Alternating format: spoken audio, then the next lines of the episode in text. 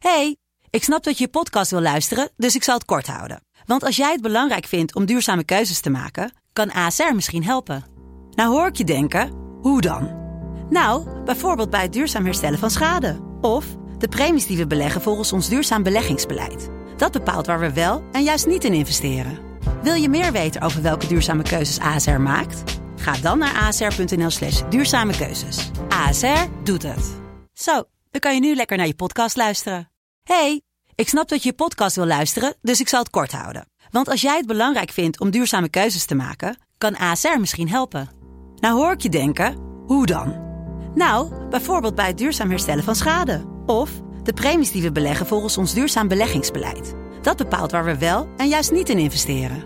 Wil je meer weten over welke duurzame keuzes ASR maakt? Ga dan naar asr.nl slash duurzame keuzes. ASR doet het. Zo, dan kan je nu lekker naar je podcast luisteren. Dit is de kortste podcast van Nederland, Mand. Vandaag gaan we het hebben over een nieuwe hype, het coronavirus. Ja, Eerst was het klimaat hot en nou hoor je er niks meer over en nou is alles corona. volgens mij bestaat het helemaal niet. Jawel, Nee. dat, dat doe even normaal. Het is gewoon een bij elkaar bedacht uh, dat zou toch een schande zijn. Het is zwaar overdreven. Maar stel dat je vriendin gaat hoesten, bloed, ze ho- hoest bloed. Blijf je er dan toch naast liggen? Of denk je nou, nou even wegwezen nu? Ik denk dat je als, als verstandig partner beter weg kan gaan. Ja, Want niemand heeft er wat aan als je allebei doodgaat. precies. Dus eh, als je corona hebt, pleeg zelfmoord.